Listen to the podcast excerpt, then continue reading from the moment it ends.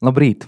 Mani sauc Toms Brīsīs, un parasti es tepat blakus frekvencē. Latvijas radio pirmā kanāla ēterā komentēju laikapstākļus un to prognozes.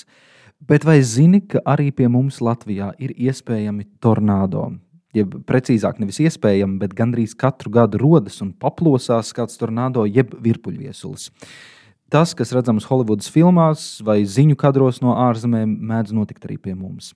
Cilvēki bieži to saista ar klimatu pārmaiņām, ka pie mums sāk parādīties stihijas, kas agrāk nav bijušas, bet tā gluži nav tiesa, jo virpuļviesuļi, tornado, trombi, virpuļstabdi tiek saukti dažādi. Latvijā ir bijuši jau kopš izseniem laikiem. Protams, ne tik bieži kā Amerikas Savienoto Valstu centrālajā daļā, kas iesaukta par tornado ieleju, bet Eiropas spēcīgu vētru laboratorija pirms dažiem gadiem veica vērienīgu pētījumu, apkopojot faktiski visu līdz šim zināmo par virpuļviesuļiem Eiropā kopš 19. gadsimta. Un pētījumā atrodams, ka Latvijā ik vasaru vidēji ir 0,5 līdz 1 virpuļviesulis uz 10 000 km2, jeb vienkārši sakot, vidēji 3 līdz 6 virpuļstabi gadā. Negaisiem bagātākos gados šis skaitlis var būt krietni lielāks, mierīgākās vasarās mazāks. Iemesls, kāpēc tikai retais to ir redzējis, ir gluži vienkāršs stihiskā parādība ir ļoti īslaicīga un lokāla, bieži skarot vien pārsimt metru vai dažu kilometru šauru joslu.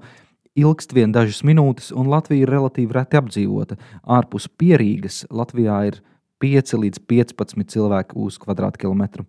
Vēl būtiski, ka Latvijā virpuļu viesuļi reti ir tik vizuāli spilgti un redzami no liela attāluma, kā tas ir citās zemēs, jo apstākļi pie mums tomēr nav tik labvēlīgi, lai tie veidotos.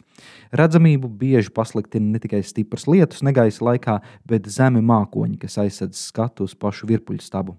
Pat ļoti senu avīžu rakstos atrodami tādi stāsti, kas arī mūsdienu informācijas laikmatā, kad šķiet, ka esam redzējuši visu, mūs pārsteigtu. Lūk, ko raksta laikraksts Brīvā zeme 1936. gada 6. jūlijā numurā. Viesuļvētra uznāca pēkšņi starp pulksten 3 un 4 pēcpusdienā un ilga apmēram 15 minūtes. Tā tuvojās ar lielu spēku un pērkona grāvieniem, un negaisa brīdī palika tik tumšs, ka dzīvokļos bija jāieslēdz lampas. Sasavas pagastā vietām krusas atsevišķi graudi bijuši pat 100 gramu smagi, un dažiem mailopiem, kas atradušies laukā, muguras nodauzītas jēlas, bet vēlāk atrasti arī beigti putni. Pavisam sagāzti apmēram 15 lauku šķūņi un 25 saimniecības saimniecības ēkām norauti vai bojāti jumti. Iecavas Voldemāros jaunsaimniekam viesuļvētra samērā jaunu un stipri būvētu šķūni nocēlusi zemē no pamatiem un nesusi vairāku metru attālumā. Padomju gados ziņu par dabas stihijām ir krietni mazāk, jo šādas īpaši nepārāk plaša mēroga stihijas centās noklusēt. Dažas spilgtas ziņas gan ir, Izdevums Ļeņina ceļš 1985. gada 29. jūnijā raksta par viesuli Durbes pusē, kas postīs ēkas, izsvaidīs bišu stropus un ezīšu mājās pacēls gaisā traktoru T-16, 8 metrus nesis un apsviedas otrādi. Īpaši plaša un postoša stihija 1981. gada 29. maijā plosījās Viļņas tuvumā. Tas nav Latvijā, bet labi parāda, ka Holivudas filmu cienīga tornado iespējama arī mūsu reģionā. Stihija nodarīja postījumus 48 dzīvojamām mājām un 3 automašīnām. Meteorologi toreiz lēsa, ka vēja ātrums virpulī sasniedza 70 metrus sekundē. Rīgas balsī aprakstīts, ka meliorācijas un celtniecības montāžas pārvaldes darbinieks Usavičs pamanījis tuvojamies melno negaisa mākoni, iekāpis dienesta autobusā, lai ar to pabrauktu zem nojumes, bet viesuļvētra autobusu kopā ar šoferi pēkšņi kā pūku pacēlus gaisā un aizsviedus kādus 300 metrus. Un vēl starp kolhoza lopkopības uzņēmuma traktorista Marijona Griškeviča teiktais. Es to brīdi braucu ar traktoru T150, vedu minerālu mēslus. Pēkšņi redzu, visapkārt man sāk celties gaisā un virpuļot nezinu no kurienes uzradušies papīri, zemes pikas, kūdra, valda neiedomājams troksnis. Redzu, virpulis pēkšņi atrauj no zemes un paceļ gaisā zirgu, kas ganījās pļavās. Skatos un neticu savām acīm. Zirgs strauji lido augšup, dažās sekundēs tas atrodas jau 1,50 līdz 60 augstumā. Tad pēkšņi tiek nosviests zemē.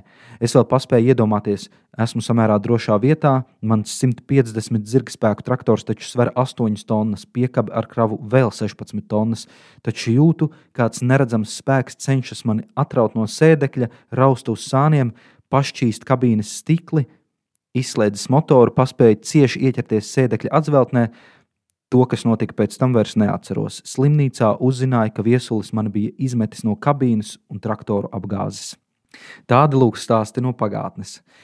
Tiesa klimata pārmaiņu dēļ stipri negaisi un arī virpuļviesuļi mūsu reģionā kļūst biežāki un spēcīgāki, taču skaidru datu par to ir maz jo tikai pēdējā desmitgadē, uzlabojoties tehnoloģijām, ir iespējams fiksēt šos gadījumus. Agrāk laikapstākļus reģistrēja tikai tajās vietās, kur bija meteoroloģisko novērojumu stacijas, un Latvijas vēsturē nav zināms neviens gadījums, ka kāds virpuļu viesulis būtu trapījis tieši kādai no meteostacijām. Tāpēc, raugoties meteoroloģisko datu arhīvā, tiešām varētu šķist, ka virpuļu viesuļu Latvijā nav bijis. Bet ir un būs arī nākotnē.